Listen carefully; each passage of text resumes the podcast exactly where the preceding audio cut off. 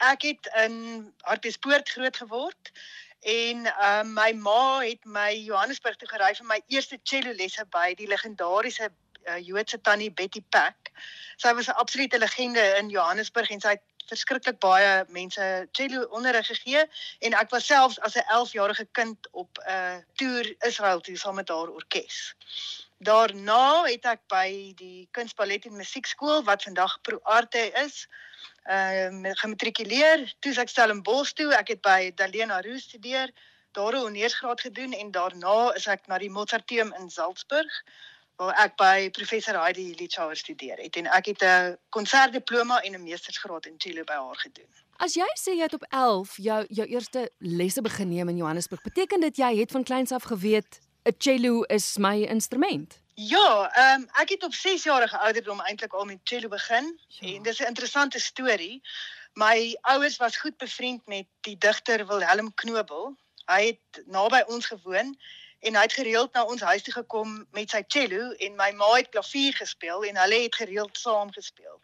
En wat ek goed kan onthou is dat ek ehm um, met karretjies gespeel het en en 'n popwaandjie wat hy vir my gegee het, so 'n mini popwaandjie en ek het deeltyd onder deur die stoele gery soos wat hulle nou uh geoefen en gespeel het. Ek kan spesifiek onthou wie wal die cello sonate was hoog op hulle op hulle lys. Hmm.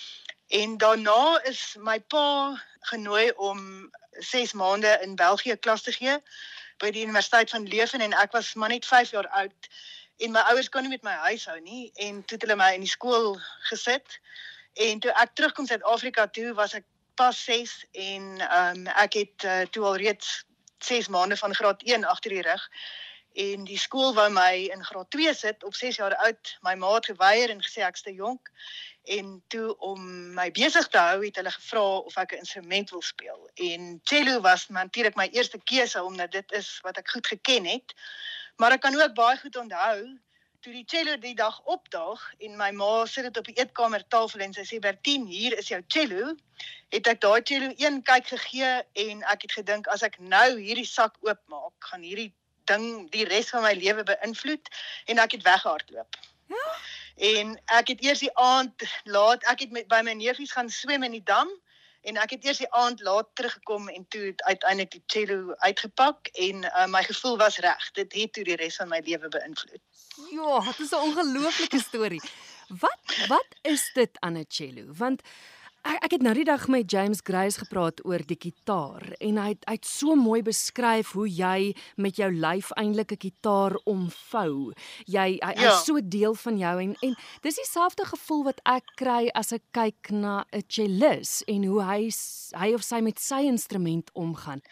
Wel, dit is ook waar met die cello want dit is letterlik 'n instrument wat jy in jou arms teen jou lyf vashou. Mm. En die die punt waar die cello aan 'n mens se lyf raak is teen jou hart. Ja.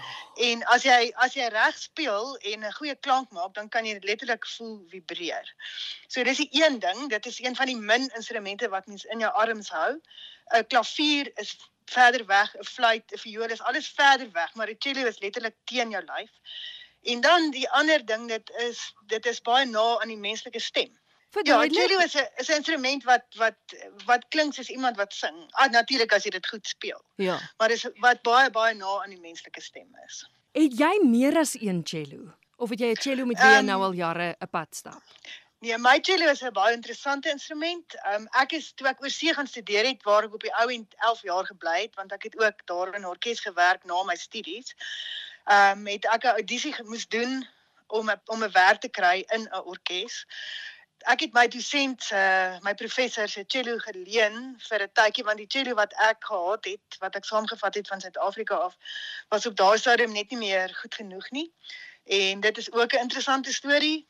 Sy het my gebel 2 dae voor ek die audisie moes doen vir die orkes en sy het gesê Bertien kom dadelik ek dink ek het jou cello gevind want sy het geweet ek soek dringend na 'n uh, eie instrument. Mm.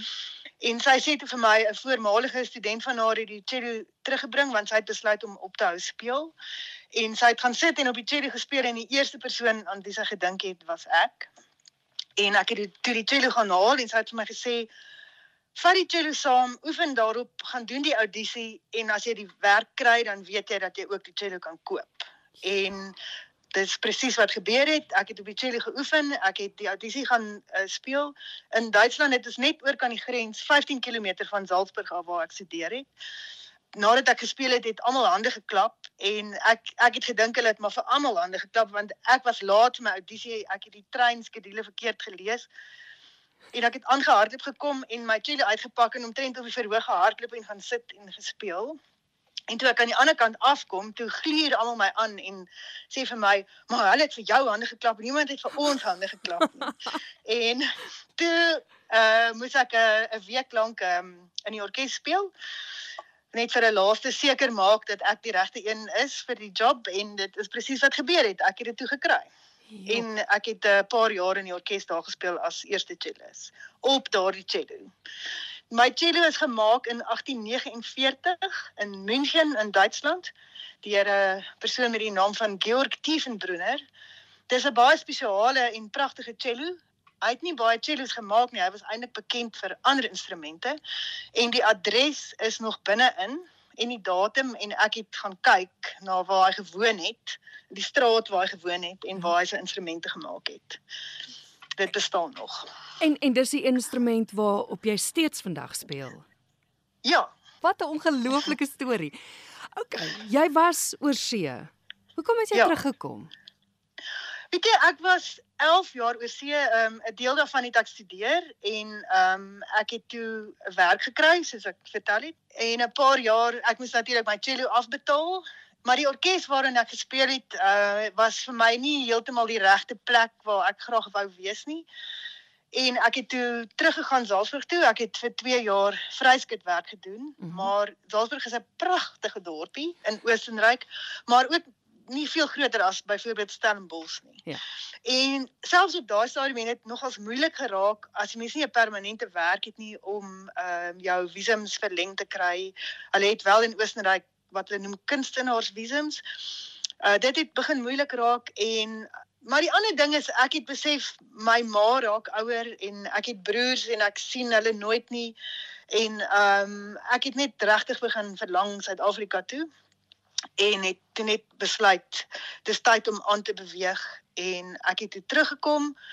Ehm um, ja, en ek was nog eintlik nog nooit spyt nie. Dit gaan goed met my hier. Ehm um, ek het baie studente, ek speel gereeld konserte. Ek doen ook interessante dinge soos ek speel saam met 'n groep Indiërs, Indiese klassieke musiek wat wat nie eintlik dink 'n cello sou by pas nie, maar dit pas so so mooi in by dit klanke wat hulle maak. Hmm. En ja, ek is ek is was nog altyd bly dat ek teruggekom het. Die interessante ding is dat ek my man wat Duits is ontmoet het in Paternoster in Suid-Afrika nadat ek teruggekom het Suid-Afrika toe.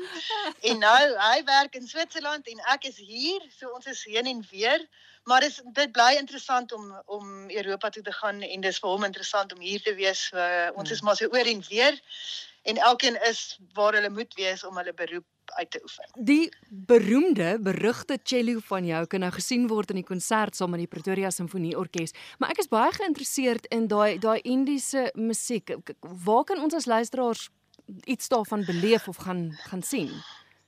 Wel daar is 'n paar uh ehm um, uittreksels op YouTube, ja? maar ons is omdat as gevolg van COVID het ons nou lank nie saam opgetree nie. Ehm uh, maar ons beplan volgende jaar weer 'n paar konserte en ek sal julle definitief op hoogte hou. So die instrumente wat wat gebruik word is klassieke Indiese instrumente soos sitar, sarod en tabla en dan sit ons die cello by en partykeer 'n saksofoon of 'n sanger maar die kerngroep is die is die sitar, sarod, cello en tabla. Onder wat gaan soek ek dit op YouTube? East meets West.